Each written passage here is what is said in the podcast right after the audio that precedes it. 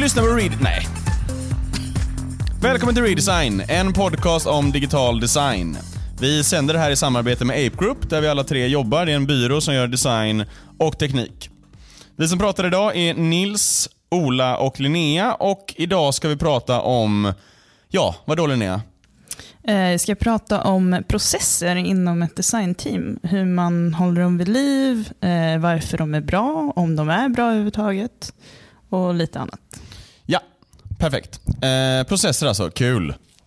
Eh, Okej, De tre som är kvar nu då? Nej men ehm, vi, ska kan väl börja med de här frågorna som Linnea drog upp. mm, exakt. Lite- Varför? Varför, Varför? och vad är, är det? Hur definierar vi det? Och Mm. sådär. Precis. Vad är en... eh, Ja men okej. Eh, en process, varför man har processer är väl egentligen för att garantera att eh, varje gång man gör ett projekt så blir det bra. Det är väl en kvalitetssäkrande rutin. Ja, och att det blir, alltså att det inte eh, är beroende av eh, en Talang. eller två personer. Sådär. Och att, så att oavsett vem det egentligen är som sitter i teamet så blir det samma eh, leverabler eh, när en kund vänder sig till den. Ja, exakt. Eh, och Det är väl därför som man behöver processer. Men vad har vi för processer här på Ape Group som vi brukar köra gemensamma? brukar ju köra kundresor, kundreseworkshops. Vi har lite olika sammansättningar av dem. Ja, Eh, Vi brukar köra användarintervjuer, användartester. Där har vi också liksom specifika steg som vi följer när vi ska göra dem just det. Exakt. Det är väldigt eh, specifika processer. För vi har ju också så här externa design reviews. Folk som är utanför projektet måste titta på Alltså om, eh, om ni två håller på med ett projekt så måste ni visa det för andra designers halvvägs eh, så att eh, så andra kan ge feedback. Ehm. Ja, och sen, men om man zoomar ut ytterligare så har vi ju egentligen, och det här är ju inte någonting som är unikt för oss egentligen, men det är att vi börjar med någon slags utforskande eh, fas följt av en definitionsfas följt av en mer design slash produktionsfas. Eh, och sen är det väl en mer förvaltande fas då. just det. Men eftersom det här då är en eh, designpodcast så kan vi ju, ja, Vi kan skippa förvaltningsdelen. exakt. Okej, men, okej, men då, så då har vi lite, då har vi dels då liksom metoder och aktiviteter, alltså olika sätt att, eh, olika, sätt, liksom olika modeller man kan utgå ifrån för att få fram eh, svar. Eh, vi har också de här eh, alltså rutiner och liknande bara för att som vi arbetar utifrån och sen har vi egentligen vår övergripande process eller projekttyper. Liksom. Ja, precis. Så i det här avsnittet så är väl egentligen tanken att kanske inte dyka in superdjupt på enskilda övningar och ehm, ja, metoder helt enkelt. Nej, exakt. Utan snarare, hur, vad har vi för utmaningar? Vad är, vad, liksom, hur, ehm, lite som en trädgårdsmästare. Hur ser man, vem, vem är trädgårdsmästaren och hur ser man till att det inte blir alltför vildvuxet och att man har en trevlig liten japansk trädgård. Ja, ja. Stark, stark metafor. Superstark metafor. Eh, exakt, och vi ska inte heller prata, så vi, alltså, vill man lyssna på mer i detalj så har vi gjort ett avsnitt om designsprintar till exempel. Eh, och även om, eh, vi ska heller inte prata om typ så här vikten av eh, struktur och hierarki i en organisation. Och, eh, det finns ett avsnitt om det med tror jag, om vi inte har tagit bort det. Eh, eh, exakt, okej, men då, eh, vart börjar vi då? Vi börjar väl vid eh, egentligen eh, Implementation av en gemensam process. Exakt. Bra, bra start. hur gör man? Alltså det, den, sättet man brukar få in en ny process, eller i alla fall som jag har sett eh, under tiden jag har jobbat här, det är att eh, det är någon som presenterar det, antingen på liksom ett fredagsmöte eller ett designmöte. Eh, tycker jag, om det, här är, det här verkar väldigt intressant. Ehm, typ här senast så var det ett nytt framework för hur man ska lämna feedback, till exempel. Ehm, och sen så har man eh, så presenterar man det till teamet och sen så lever det vidare ifall det fick fart just efter den presentationen. Mm. Ja, exakt. Eh, team, ja exakt. Men hur, till exempel design sprint implementeras ju praktiskt taget av att alla läste en artikel och tyckte den var bra. Typ, så här, nu måste jag göra så här. För det är det jag gillar lite med Ape Group. är Så här, ja, men, tidigare byråer man varit på så är det, man har en jävla Microsoft Exchange eh, mail och man bara varför är det så här? Så, ja, det vi har haft det. Och så, Medan här här är det snarare motsatt. Här är det typ så här, ingen som svarar på mail längre för att eh, någon har kommit på att mail är, mail är dött. Så nu använder vi bara amen, någon annan eh, funktion. Eller eh, alla, alla ligger i beta och alla program så inget, inget fungerar typ. Och, eh, ja, men så här, kunden bara, jag kan skicka med en Word-fil. Ingen har Word på sin dator. Eh, så, eh, det var ett, Nej, jag är lite där, precis. Pendeln hade kunnat komma tillbaka lite. Åt, Ja, exakt. Men jag menar, så... För, eh, anled- för det jag vill ha sagt med det här är att en av anledningarna till att man har processer och sådana saker är att man har lite grejer som fungerar, så man inte bara helt och hela tiden kör på allting. Och jag menar, framförallt vi, alltså, jag tror att vi historiskt sett på Ape Group har väl haft lite svårt med eh, gemensamma processer och eh, Ja. att implementera det på grund av att vi vill byta hela tiden. Eh, men alltså precis, men, och det, det är väl det som är en bra process är tydlig nog så att alla förstår, men luddig nog så att alla kan liksom på något sätt känna att de kan göra det till sin, sin egen. Jag menar vi har ju ja, men vi har fyra projekttyper inom eh, design. Eh, liksom så här, eh, user research och, och eh, egentligen digital planering. Sen har vi koncept. Och sen har vi liksom detaljerad eh, design, alltså göra design färdig för utveckling. Ehm, och sen har vi också branding. Och de har ju egentligen, ja, det finns tre faser i vi säger ett koncept. Då. Då är, först så skissar man på massa olika lösningar. Sen så eh, eh, gör man en prototyp som man använder och testar och sen så liksom dokumenterar man ner det i en, i en keynote-presentation. Eh, och sen så finns det tre fasta leveranser. Ja. Precis, Man- ja, men det är egentligen, den enda konstanten är, har väl egentligen varit det här ehm, upplägget med eh, Discover, eh, Define, Design kan man väl säga. Där vi har, liksom, och det är ju den här klassiska tratten som egentligen inte Eh, gör oss unik. Men det, det, om man tänker på det ur det ur det, det perspektivet så är det väl helt okej att byta ut vissa delar i de här boxarna. Eh, som vi tänker då, om vi nu föreställer oss att vi på eh, hor- horisontellt sett har det här Discover, Define, Design. Och sen på eh, vertikalen så har vi de här olika områden som vi gör. Då är det ju så processen fungerar att vi plockar ut och in de här eh, vad ska man säga, verktygen, de som vi snackade om tidigare, beroende på vad det är vi vill utföra och vilken del i processen vi befinner oss i. Just Så det måste väl vara eh, helt okej att man gör. Sen så är det klart att sen finns det ju andra utmaningar med det. Hur hittar folk, alltså hur får folk tag på dem? Okej, nu, det, det känns som att du pratar om tre saker här nu i samma mening. Eh, den första är ju, alltså så här, vikten av en process och så här, ett, ja, men det vi har eh, snackat om väldigt mycket senaste halvåret här på Ape Group är ju så här, gemensamma leveranser.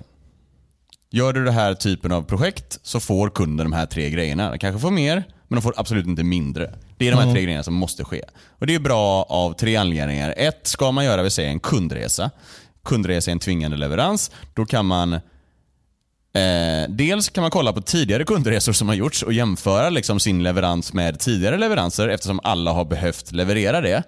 Ehm, eh, och dels så kan man kan också det behöver inte vara tre designers och tre utvecklare i alla kundmöten för att det är enda sättet vi kan göra en liksom, eh, sälja in ett projekt om det är helt skräddarsytt. Utan eh, de som tar första möten med eh, kund och liknande kan, Ja. kan säga liksom. Det är det här ni får. Ja. Och här är exempel som har gjorts tidigare. På det sättet är det väldigt, väldigt bra.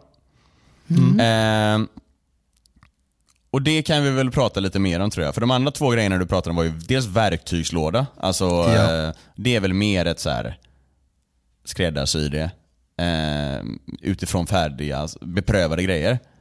Eh, och vad var den tredje du pratade om då? Nej, men det var ju egentligen bara vilka de olika faserna är. Just det, förlåt. Det, det tredje är hur vi delar Ja. det mellan oss. Mm. Okej, men det, det låter som en bra upplägg kring hur vi pratar eh, eh, idag. Okej. Eh, innan jag började på Ape Group så hade vi en... Eh, eller så här, det, eh, rätta mig om jag har fel här nu. Jag har bara varit på Ape Group i två år, Ola. Eh, Precis, bara sätta sig. Första åren av Ape Group eh, så kördes det, då körde det utan process. Helt utan process. Eh, vad man fick var lite beroende på vem som var i projektet och eh, det gjordes jävligt bra grejer för att det var jävligt bra personer där liksom. Eh, man eh, visade inte för andra, man, eh, eh, man körde lite det man själv ville liksom. Om en eh, designer älskade kundresor så blev det en kundresa som var fokus, om en annan bara hatade kundresor och bara ville göra visual design, det var det det. Och det, Ja. ja. Sen så eh, koms, koms det på oss då för kanske fem år sedan. Bara, det här funkar inte. Eh, och lades ofattbara mängder krut på en, en process. Och Den processen var så liksom hårt, rigoröst eh, skriven att så här, ett eh, konceptarbete som då på den tiden hette Discover Define, då ingår det fyra workshops. Första workshopen ska, vad vi pratar på det, ska vi prata om det här, andra om det här, tredje om det här. Eh, och Det var liksom rigorösa grejer. Vi ska göra de här aktiviteterna, det kommer bli de här leveranserna. Da, da, da, da. Ja. Perfekt.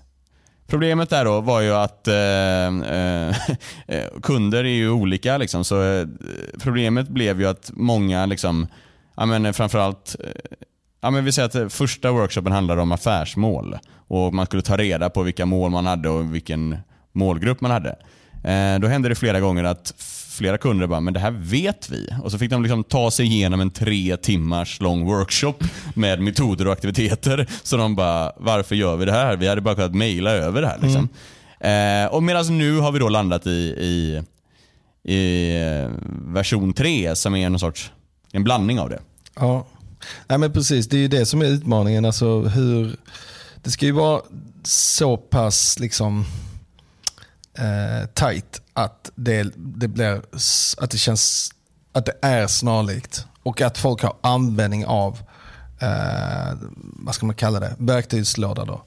Eh, men också att det är så pass flexibelt att, för alla projekt är olika. Och eh, ja, vad ska man säga? Det, man måste liksom kunna anpassa det. Och eh, Det du var inne på där, till exempel då, som i det här fallet med om man är eh, väldigt nitisk med att ha en viss typ av workshop kanske. Ehm, det viktiga är ju egentligen inte att man håller en workshop eller att man gör en prototyp. eller att man gör, Det är ju vad man faktiskt vill ha ut av det. Jag tror det är det som är den stora grejen med en process. Att man ser de här sakerna kanske inte som leverabler utan som artefakter som ska leda fram till någonting längre fram. Att det hela tiden är, liksom, man pushar de här ehm, man pushar de här eh, artefakterna framåt. Så att de i sig har egentligen inget värde, men att man bygger upp någonting, det är det som är egentligen processen. exakt. Alltså, alltså att det, det vilar på någonting.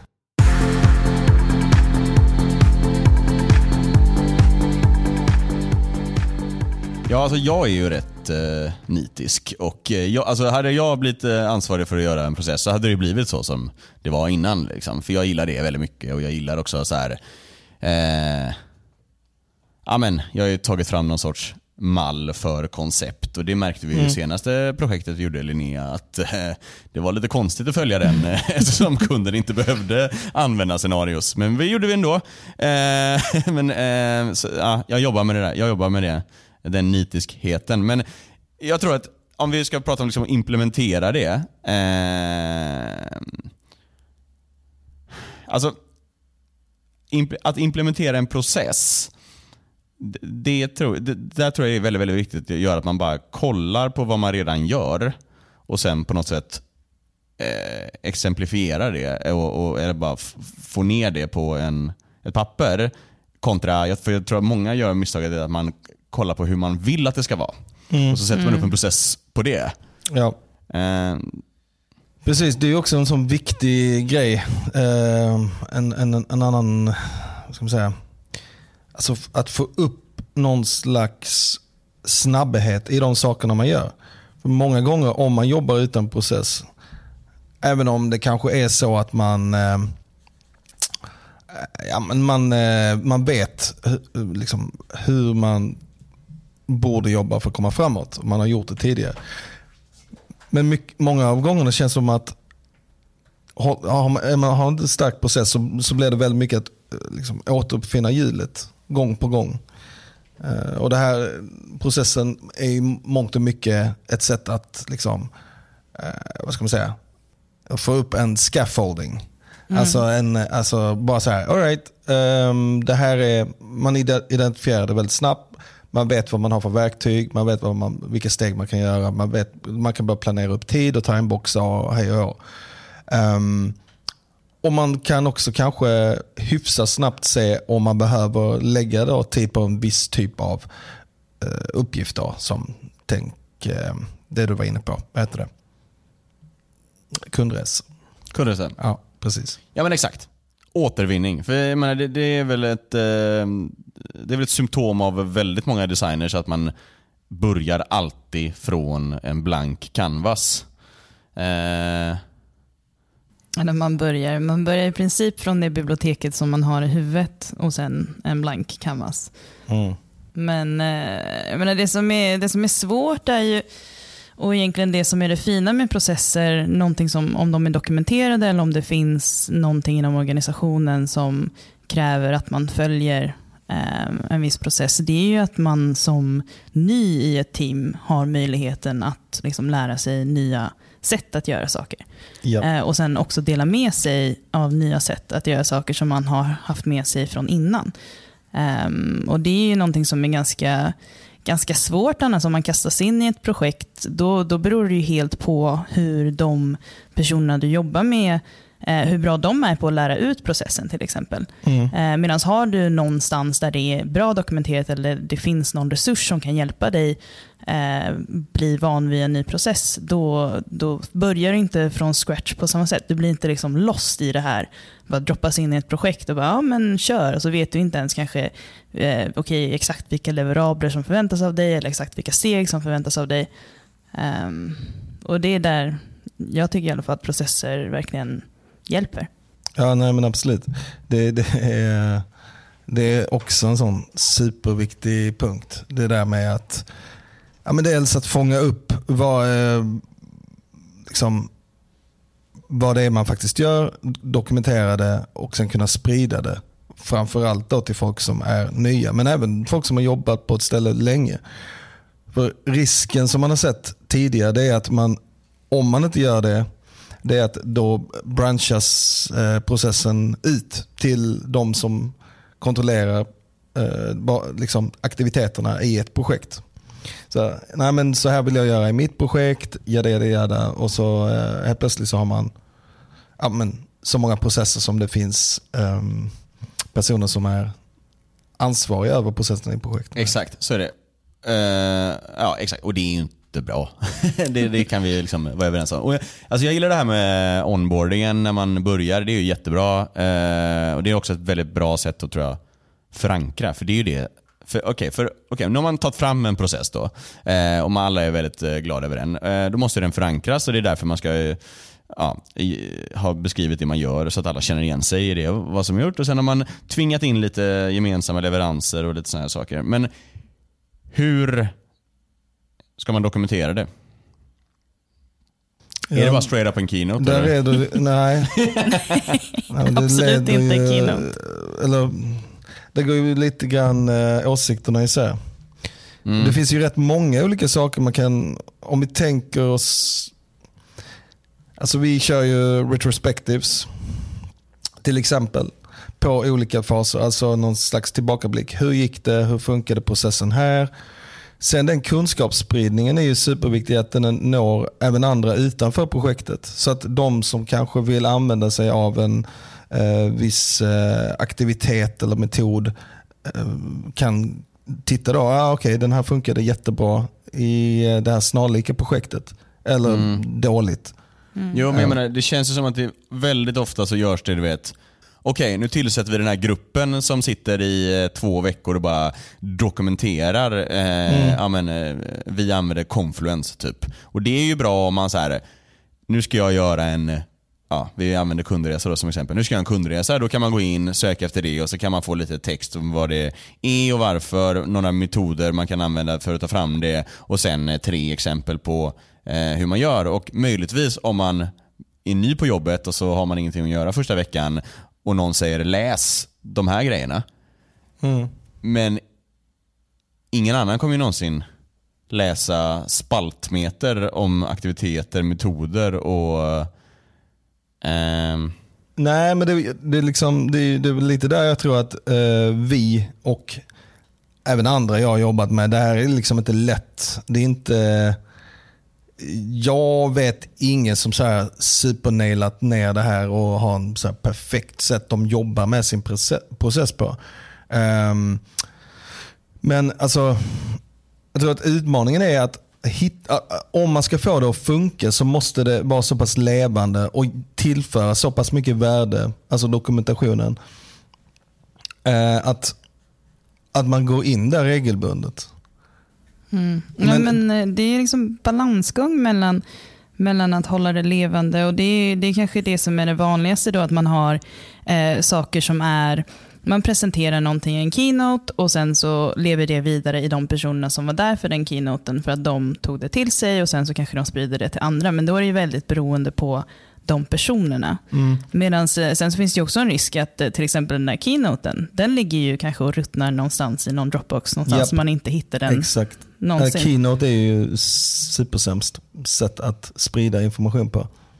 Ja, alltså jag gillar Keynote, mm. som, du, som du vet. Nej men exakt, okej. Okay. Eh, keynote eller inte. Eh, eh, ja, men, ja, liksom, retrospektiv eh, har vi. Jag tycker det är ett väldigt, väldigt bra sätt att... Eh, alltså vi har designretrospektiv efter varje projekt och så får mm. man skriva tre bra, tre dåliga och tre förändringsförslag och sen så skrivs det ner i ett mail och så och mailar man ut eh, ja, de som var med och eh, management typ. Och sen så kanske, nu när ni pratar om det, kanske man skulle mejla alla. Men eh, man håller, och så håller vi en presentation i designgruppen. Eh, ja, det här gjorde vi och det här var bra, det här var dåligt. Det är ingen nyhet för alla som lyssnar, det är, de gör nog exakt likadant. Och det är ju bra, för då håller vi det hela tiden vid liv och vi ifrågasätter och sådana saker. Men då behöver man ju vara på det här designmötet. Eller eh, man behöver eh, få det här mejlet. Mm. Eh, och, och, ja, alltså, men precis. Men börjar man ny är det jävligt svårt att veta och man behöver liksom ha, det tar en stund att komma in i det. Och alternativ två då är att man liksom dokumenterar, dokumenterar, dokumenterar. Men det blir också liksom, det, det kan ju bli väldigt mycket. Ja.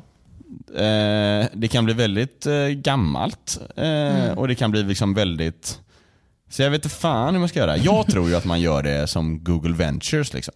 Man lägger ut det externt. Eh, inte att någon annan gör det, utan att andra utanför bolaget kan se det. Mm. Det här är vår process. Alltså, vi, gör, vi, gör en hemsida. Vi, gör, vi gör det på vår hemsida. Det här var en process, så här funkar det. Det här är våra leveranser. Ja, men exakt, vi gör en bok av det. För då är det liksom så här, då behöver vi Dels så gör vi det externt, vilket betyder att då behöver man göra det bra, eh, så att folk förstår. Mm. Eh, dels så, eh, ja, då får man ju folk att utmana ens process också. Jag menar, det som är väldigt intressant med Sprint, det är att de har lagt ut det för alla att titta på. De, de tycker att det är en bra process. De har delat det med andra. Andra har fått testköra den här processen och hitta okej, okay, i de här situationerna funkar inte den här processen.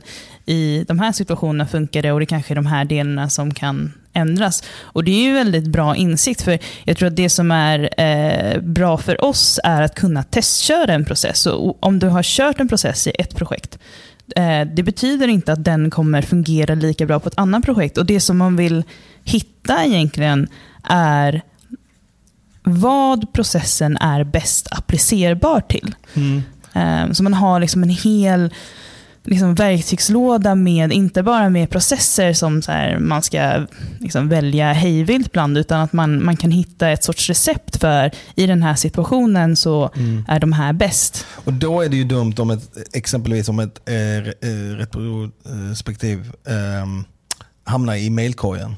Och då kommer det liksom aldrig någonsin, okej hur var det då? De körde det väl någon gång. Var det bra eller var det dåligt? och så vidare. Utan man samlar upp det där kanske på samma ställe. Ehm, men också den grejen som du var inne på att man, ja, men man börjar med att identifiera saker. Och det är också sjukt svårt. Men att börja med att identifiera, okej det är den här processen vi ska köra i det här projektet. Det är också lite vanskligt. Alltså för att man vet ju absolut minst i början av ett projekt. Och att då låsa sig vid, vid ja, men det, här, det här känns rimligt. liksom. Då är det ju viktigt att man har en, ändå en hyfsat flexibel, eh, även om det är en process och det ska vara på ett visst sätt, att man i alla fall kan byta ut vissa av de här verktygen under resans gång. Ja, För- exakt. Ja, men alltså, det är klart att det kommer ju alltid säljas in fel typ av projekt. Att man sitter och gör ett koncept och sen halvvägs in inser man fuck, vi skulle gjort, eh, vi skulle gjort en design bara. Men då har man i alla fall liksom skrivit ett kontrakt och man, då får man ju leverera bara det man har sagt att man ska leverera. Så, så får man väl eh, flagga för det. Fan det här, ja, ja, det är alltid bra med ett koncept. Liksom. Man, kan, man kan aldrig få för många koncept, som jag brukar säga. eh, men, eh, okej, då går vi vidare på det du sa då Ola precis, att plocka och eh, verktygslåda. Mm. Eh, vad är det? Ja, det är väl eh, det är en eh, på något sätt organiser organiserad version av dokumentation kring eh, ens processer. Eh, men eh, Hyper Island har till exempel en väldigt känd toolbox som de, de visar. De har liksom de här uh, olika metoderna finns för idégenerering, de här olika metoderna finns för research. Um, och det var en artikel som skrevs ganska nyligen eh, av eh, John Lax från eh, TNLax. Eh, och han pratade om att de har också, eh, när de jobbade inom TNLax, att de använder sig av någonting som de kallas för, kallar för en playbook. Eh, och då, då använder han metaforen av eh, liksom en fotbollstränare. Att de har, okej men vi har de här olika movesen eh, och de är applicerbara under de här situationerna och att det är ganska flexibelt, det är ganska löst. Eh, men att det fortfarande är någonting som ger liksom en struktur till processen. Ehm, Det är en Så. bra metafor i alla fall. Det, Ja men, alltså, men att, ett sätt att förhålla sig till det. Ja, men Det exakt. var För, väl lite för, det jag försökte förklara.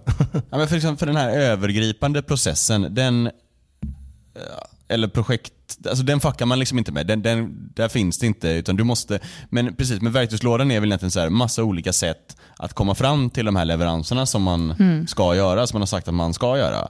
Ehm, och Då är det väl olika liksom, övningar på workshops.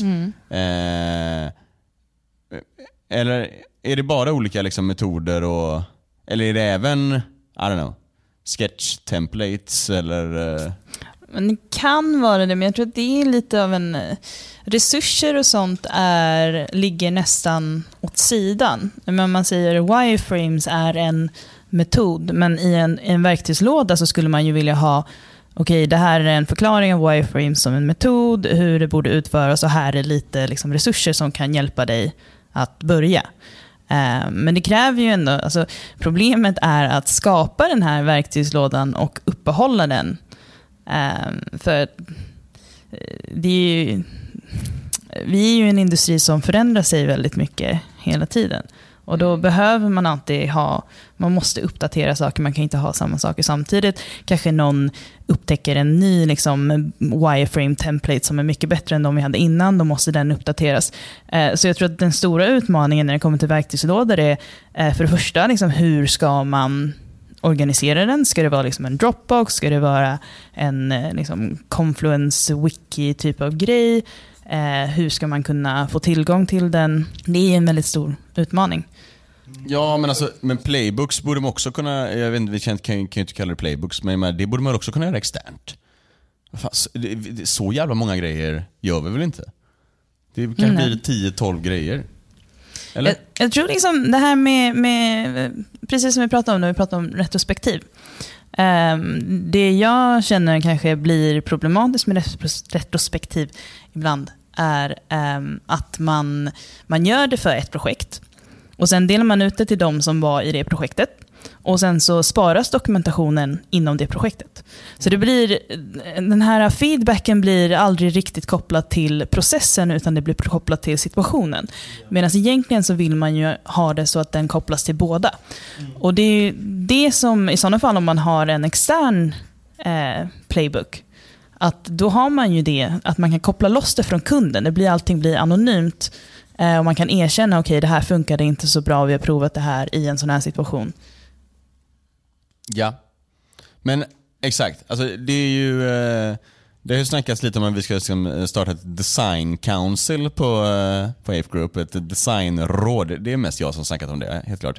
Men eh, för det kan jag också tycka är en...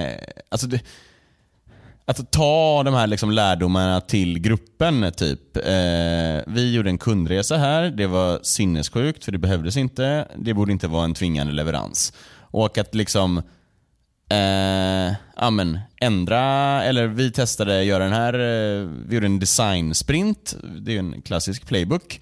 Eh, och det var eh, med kund och det var skitjobbigt för sketch sketchdagen blev jobbig. Eller nå- någonting sånt liksom. Crazy Eights, vi måste sluta med dem. Eh, ja, men, eh, det är väl en bra grej, liksom. att man har ett eh, ja, att man egentligen har, har som grupp är ansvariga för att eh, liksom hela tiden uppdatera och... eh, Eller går det? Är det en utopi? Eller måste det vara en som är redaktör och som bara... Du kan, du kan säga så här, jag vill ändra det här. Ja, vi får se. Det här är liksom... Jo, alltså jag tror att det måste nog, jag tror inte det går att demokratisera en process helt.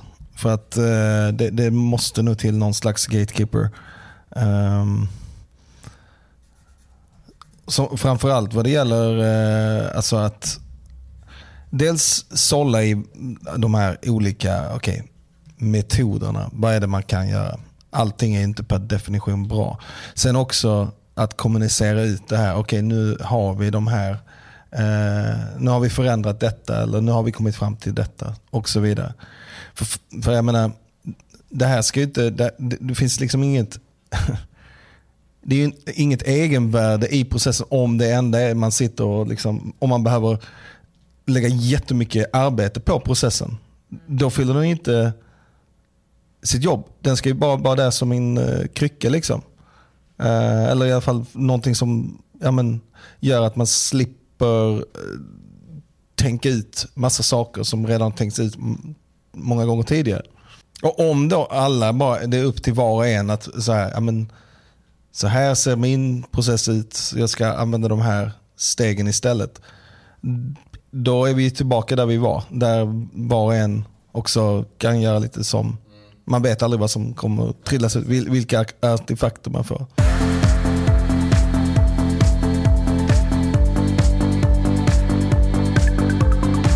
Okej, så man behöver någon sorts gatekeeper. Den gatekeepern ska också vara ansvarig för liksom att det uppdateras, hur man än valt att dokumentera det.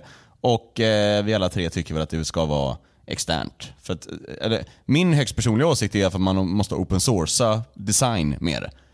Design sprint är en open sourcing av en designmetod. Eh, det Facebook, eller gamla TNN Lax, gör med sina liksom, templates och sådana grejer, det är också att open sourca design. Och Det här är ett gyllene tillfälle att göra det om man bara det här är de aktiviteterna eller playbooks som vi använder oss av och eh, eh, inom vårt kontext, liksom, digital byrå med kund och sånt, så funkar de här grejerna. Det är skitbra för då kan ju andra testa det och, och, och ehm, Ja. Och framförallt vi kan få inputen från andra som har testat det. Så att vi kan få, okej, eh, någon annan har gjort exakt samma sak, de har en erfarenhet av det. Man får in den, den kunskapen utan att behöva anställa den personen. Eh, att, man, att andra testkör ens processer och hittar problem med den och så. Eh, det är alltså att eh, open source design, det är så ro- man, man känner sig ofta så här, eh, det är lite, man vill hålla lite hemligheter eller att man, man tycker att man gör någonting som är unikt. Men egentligen så för det mesta verkar det ju som att man tjänar ju mer på att dela någonting som en process. Absolut. Ja, plus att man måste göra det fint, man måste tänka igenom, man måste liksom... Ja. Men det får inte vara för fint, för då blir ju problemet att det, om det är eh, ett liksom heldagsjobb att uppdatera någonting eller lägga till en ny process så kommer ingen göra det. Eh, och jag tror det, det som man vill uppnå, det är ju kanske den här utopin eh, som du pratade om Nils, att man vill ju att det är så att när någon har testat någonting nytt eller de har utvecklat någon metod, eh, så säger man kanske har hittat det perfekta skriptet för att börja en användarintervju, eh, då vill man ju att det på något sätt fångas upp i den stunden, att det finns en förklaring till varför det har förändrats, eh, att man dokumenterar det liksom Mm. då och att det finns tillgängligt då för framtiden. Ehm, men det är ju väldigt svårt. Alltså man blir ju oftast, man blir ju oftast att man, man kör någonting och det gick jättebra och sen så glömmer man det. Och har man tur så kanske man kommer ihåg det efteråt. Så Ja, just det, liksom, ni körde den här presentationen för de här, hur gick det? Eh, skulle vi kunna få den presentationen för att bygga vår presentation? Eh, men oftast så blir det ju så att det bara tappas. Ja, och då, ja precis. Det, där har du ytterligare en eh, grej tror jag som är eh, vad ska man säga, ett ansvarsområde för den personen som ska vara eh, gatekeeper då, för den här processen. Eller den som ska hjälp, se till att den hålls levande. Att också liksom, på något sätt bygga den, eh, de här rutinerna så att sådana här saker fångas upp och kommer in eh, i loopen, alltså efter man har använt eh, Mm. Men, men hur? hur då? För att jag menar, alltså, eh, alltså jag tror, jag tror, om vi säger, vi tar ett, eh, det exempel som du sa Linnea, eh, man, testmanus. Ska göra en djupintervju på en eh, 40 minuter. Då är det ju såklart skönt om det finns ett färdigt, eh, men jag tror så här att det kommer aldrig funka att sätta sig ner och så här, nu ska jag skriva ett, nu ska jag göra en template för intervjuer. Utan det är snarare så att det måste väl alltid vara så här, jag gjorde en intervju, den här, de här frågorna funkade bra. Och sen så sa man det och så, Ja, nej men absolut. Och, jag, och det är också det att det är det som är utmaningen också. Att försöka generalisera det så pass mycket att det är applicerbart på alla möjliga typer av projekt. Men att det ändå tillför så pass mycket värde att liksom ehm, ja, att man vill använda det helt enkelt. Men jag tror att vi har ju ett väldigt bra, alltså vi har ju ett väldigt bra till exempel dokumentation av våra keynotes som vi kör. Och det är liksom Nils, det är du som har hand om den. Ehm, och där finns det exempel på liksom olika konceptpresentationer och olika pitchpresentationer och så. Ehm, men jag tror att det som saknas lite är det att man, man har ju väldigt svårt att identifiera vilken av dem som kommer hjälpa en själv i just den situationen man är i. Att man, man har ingen, Eh, den här pitchpresentationen är bra för att liksom, vi gjorde den här jättekola eh, liksom, animationen som kunderna blev jätteimponerade av. Eh, det, är lite, det är det som man vill fånga upp, men det är också det som är svårt, för då måste du ha någon som sitter och taggar upp den här eller skriver någonting om den eller drar ut de här sidorna och försöker skapa någon sorts liksom, template-del som man kan, man kan använda sig av sen när man ska köra en egen presentation. Ja, men alltså, jag tror väl att det finns eh, tre skolor här i eh, rummet. Eh, dels har vi ju min eh, och det är ju egentligen bara straight up en Dropbox-folder med, eh, ja, här är alla pitchpresentationer vi har gjort. Här är alla eh, konceptpresentationer vi har gjort. Här är alla kundresor vi har gjort. Och så, så får man bara liksom hoppas på det bästa. Eh, problemet med den Dropbox-mappen då som finns i nuläget, att den är klockad in på liksom 30-40 gig. Eh, och som sagt, vad ska man gå på? Det står ju bara koncept McDonalds, koncept IKEA. Eh, sen har vi ju den lite mer eh, old school, eh, eller old school är kanske fel ord, men det är lite mer, eh, det är Olas eh, linje och det är ju egentligen Confluence. Eh, som är egentligen, ja, det, det finns väl liknande på alla företag, men det är ju ett ett program vi använder som egentligen... Eh, ja, det ser väl ut som Reddit gjorde 2001. Ehm, Precis. och där kan man söka och ja, där Ja, finns men det, det, som är fördelen med att, eh, att i alla fall dokumentera på någonting liknande det, det är ju då eh, det är massa fördelar. Framförallt eh, vad det gäller versionshistorik. Men sen också saker som fånga upp kommentarer, eh, fånga upp sådana saker som retrospektiv. ehm, och eh, på något sätt kunna bygga ihop, att om man vill göra någon slags interaktiv grej. Typ, säg att man har eh, processen, ja men vi är i den här fasen och det är den här projekttypen. Vad har vi för, vad finns det i verktygslådan då? Exempelvis. Ja, då är det men- väldigt enkelt. Men sen är det väl också liksom det vi hela företaget, utvecklare, projektledare allihopa har samma och, Ja. och, och kan ändra. Och sen Linneas linje då är väl att göra en lite mer skräddarsydd. Dels att vi gör Ja, eh, Notion har vi diskuterat om att använda som är väl egentligen typ ett snyggt, enkelt Confluence. Eh, så vi gör en, en, någonting för bara oss designers där vi kan ha. Eh, och sen ibland så kanske Keynotes är bäst att använda kanske på en eh, Wordpress-liknande eh, eh, mall och kanske Tumblr är bättre för något. Att man använder liksom egentligen, man delar med sig för det bästa för varje sak. Mm. Jag tror att det- är liksom, det jag, jag tycker är mest spännande med, med någonting som Notion, men också om man skulle ha det i någonting som Tumblr, det är att man har möjligheten att tagga upp saker och man har sökbarheten och man har, eh, man kan Eh, då kanske man inte kräver lika mycket den här trädgårdsmästaren som sitter och liksom skriver jättefina rapporter om allting eller liksom dokumenterar allting i en, en folderstruktur som vi har bestämt innan. Utan att det är, eh, du kanske delar den här artikeln och sen så taggar du upp den. Så här, den här artikeln handlar om content modeling, den här artikeln handlar om liksom UX, den här...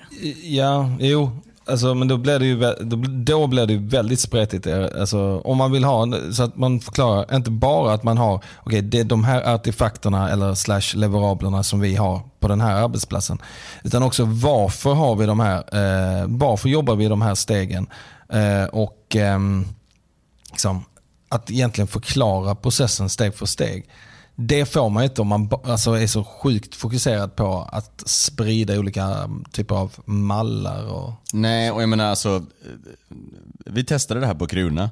Eh, byggde något som heter Designhubben. Eh, eh, jag eh, var med och ledde den, eh, det projektet.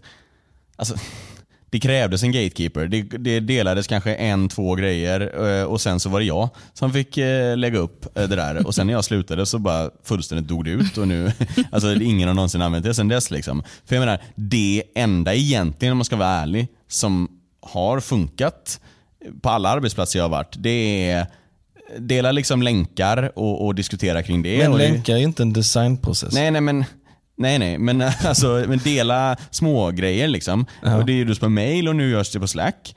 Ehm, och hålla, alltså träffas en gång i veckan och prata om vad man har gjort. Liksom. Det är de enda två grejerna som på riktigt fungerar.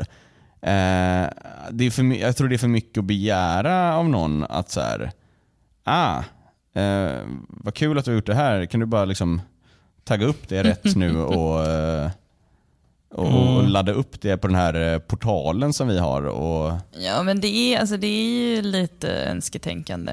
Eh, men samtidigt så känns det som att eh, det är problemet med det här att man, liksom, man sprider kunskapen genom att dela saker på Slack eller att man, man sitter ner och pratar med varandra en gång i veckan. Eh, alltså kunskapen går ju så lätt förlorad Mm. eh, med personerna. Att, att slutar liksom, du så finns inte längre den här processen. Eh, om jag inte väljer att göra en presentation om eh, just liksom, den här processen som jag tycker är jättebra, då förloras den. Det är ingen annan som får nytta av det. Ehm, om liksom, jag delar en länk och ingen eh, valde att läsa den så, för, så försvinner det också. Det är lite där som problemet ligger. Mm. Och Sen tror jag också att det som du sa, att det är lite mycket begärt. Jag tycker inte det känns som att det är mycket begärt. För att anledningen att det blir mycket begärt, det är för att folk får lite tid om man behöver återuppfinna hjulet gång på gång. Men om man däremot har, liksom jobbar mot att ha en bättre process, så borde rimligtvis lite av den tiden man tjänar på att ha en bättre process återinvesteras in I processen. I processen måste man ha med hur man uppdaterar processen. Ja, Det måste finnas en process för det. ja nej, men alltså, annars så stagnerar pro- processen för att det, det, det, ja. Det tror jag i alla fall. Okej, så. Slut, avslutningsvis då. Alltså hands-on, vad är det? Vad ska man göra liksom? Ja, som ni kanske har eh, räknat ut vid det här laget så har vi liksom inte eh, ja, nailat det 100% här. Vi diskuterade ju dagligen. Ehm, Ja, alltså det var ju på grund av att vi satt och diskuterade det här vi tre som vi bara, vi borde Mm. göra det här till en, ett podcastavsnitt. Notion, är det det som är men jag lösningen? tror att, okej, kan- det, om man, det blir kanske lite bakvänt, men om man applicerar en designprocess på att ta fram en process, typ, vad är det man faktiskt vill ha ut av den här i slutändan? Det blir väldigt mycket inception. Vilken process Jag ska kan man använda för ett processen? inception-ljud här. eh. Mm. Vilken process. Nej, men kan vi alltså använda? att, eh, vad är det vi vill få ut av ehm, vår process? Hur vill vi sprida information? Eh, hur vill vi sprida våra liksom, mallar? På vilken, sätt, alltså på vilken nivå lägger vi de här mallarna? Ska det verkligen vara nere i liksom, detalj, detalj eh, wireframes eller är det skitsamma? Ska man liksom lyfta upp det ett par snäpp? Um, hur, liksom, vad, vad krävs för att en ny, um, en ny metod, en ny typ av workshop eller någonting ska få komma in? Bara så att man har en tydlig idé om hur man vill jobba med detta kontinuerligt. Det tror jag måste till. För att, att bara liksom så här, okej det här är vårt önskescenario, bam, bam, bam, bam, och lägga den i en keynote, det, det kommer aldrig gå. Liksom. Det, måste, det är hårt arbete som måste ske kontinuerligt. Eh, jag tror att man måste börja med att välja en trädgårdsmästare. Eh, liksom att det finns någon som ansvarar för att ett sånt här projekt inleds, att man börjar dokumentera och kanske de får i samba, liksom, tillsammans med resten av designteamet sätta, okej, hur vill vi jobba med processer och faktiskt påbörja det och faktiskt testa det. Eh, i någonting. Nu har vi ju börjat lite med Notion för att kolla om det faktiskt håller eh, som ett system för att eh, dokumentera designprocesser. Eh, och sen får vi ju se hur det, hur det faktiskt blir i slutändan. Ja, exakt. Bra. Mm. Har vi några avslutande ord? Nej, veckans tips kanske? Ja, det låter väl kul. Ja, veckans tips måste ju ändå vara eh, Google Pixel. Det är väl ett tips. Skaffa nu en, eh, en Android-telefon. Det är ett Ja. jävla tips. Skit i eh, iPhone. Men du ska ju ta en iPhone Nej, 7. jag ska ta en iPhone såklart. Men det är kul. Varför, varför vill man ha en Android som ser exakt ut som en iPhone? Varför vill man ha en Android som inte ser ut som en iPhone? Det är Ja. inte så att iPhone-designen är, det är den designen. Det är bara den Nej. som kan vara. Eh, nej, men den, den ser väldigt spännande ut. Den har ju ungefär samma funktionalitet som iPhonen, men jag tror att eh, till exempel VR, eh, att den är byggd för VR och att den har liksom, fokuserat ganska mycket på batteritid kan vara någonting som är bra. Men jag tror att man måste nog få testa den först innan man vet. Ja. Men jag, jag behöver inte testa den. Jag bara säger kör, köp. Köp den bara. Bara köp. Ja, Veckans alltså tips. VR, det kommer ingen någonsin använda. Jo, jo, jo. Jo. Det, det, det, är nu det händer Det är Nils. nu det händer. Har du aldrig provat en HTC, eh, vad heter de? HTC Vive? Det är det sjukaste, sjukaste spelupplevelsen man någonsin har i sitt hela sitt liv. Vi har ett helt avsnitt av det här. Ska vi spela in Nils, ett till? Nils är ju lite av en mästare på det här med VR. Ska vi spela in ett till VR-avsnitt? Det kommer komma ett VR-avsnitt till eh, efter att Google Pixel har slått stenhårt. Ja, okej. Mm. Så du menar att om två år då kommer alla ha Android? Ja, kanske det blir det så. Batteritid i och för sig är nice, för att jag har en Google, nej, jag har en LG Nexus 5X och den håller tre timmar kanske?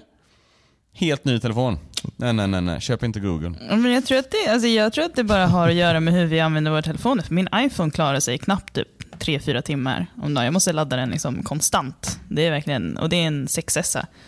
Ehm, så jag tror att jag pillar på min telefon för mycket. Jag vet inte. Candy Crush. Är väl- Är det Candy Crush? Veckans tips. Jag ska Candy säga Crush. att det är sketch sync, men ja. Jag kan avsluta med ett lite mer eh, novist eh, tips, eller en lite mer enkelt tips. Jag har under de senaste tre veckorna spelat ett eh, spel på min eh, telefon som heter Egg Inc. Egg Incorporated. Det är väldigt, väldigt enkelt. Man trycker på en knapp och så, så springer hönor till en lada. Och Sen kan man uppgradera sin lada. eh, och Man kan också uppgradera eh, bilarna som hämtar. Det är supersnyggt designat. Det är jävligt ja, det är alltså, det, man liksom, du vet, väntar två timmar och sen har man fått lite mer pengar då kan man köpa en ny upgrade typ.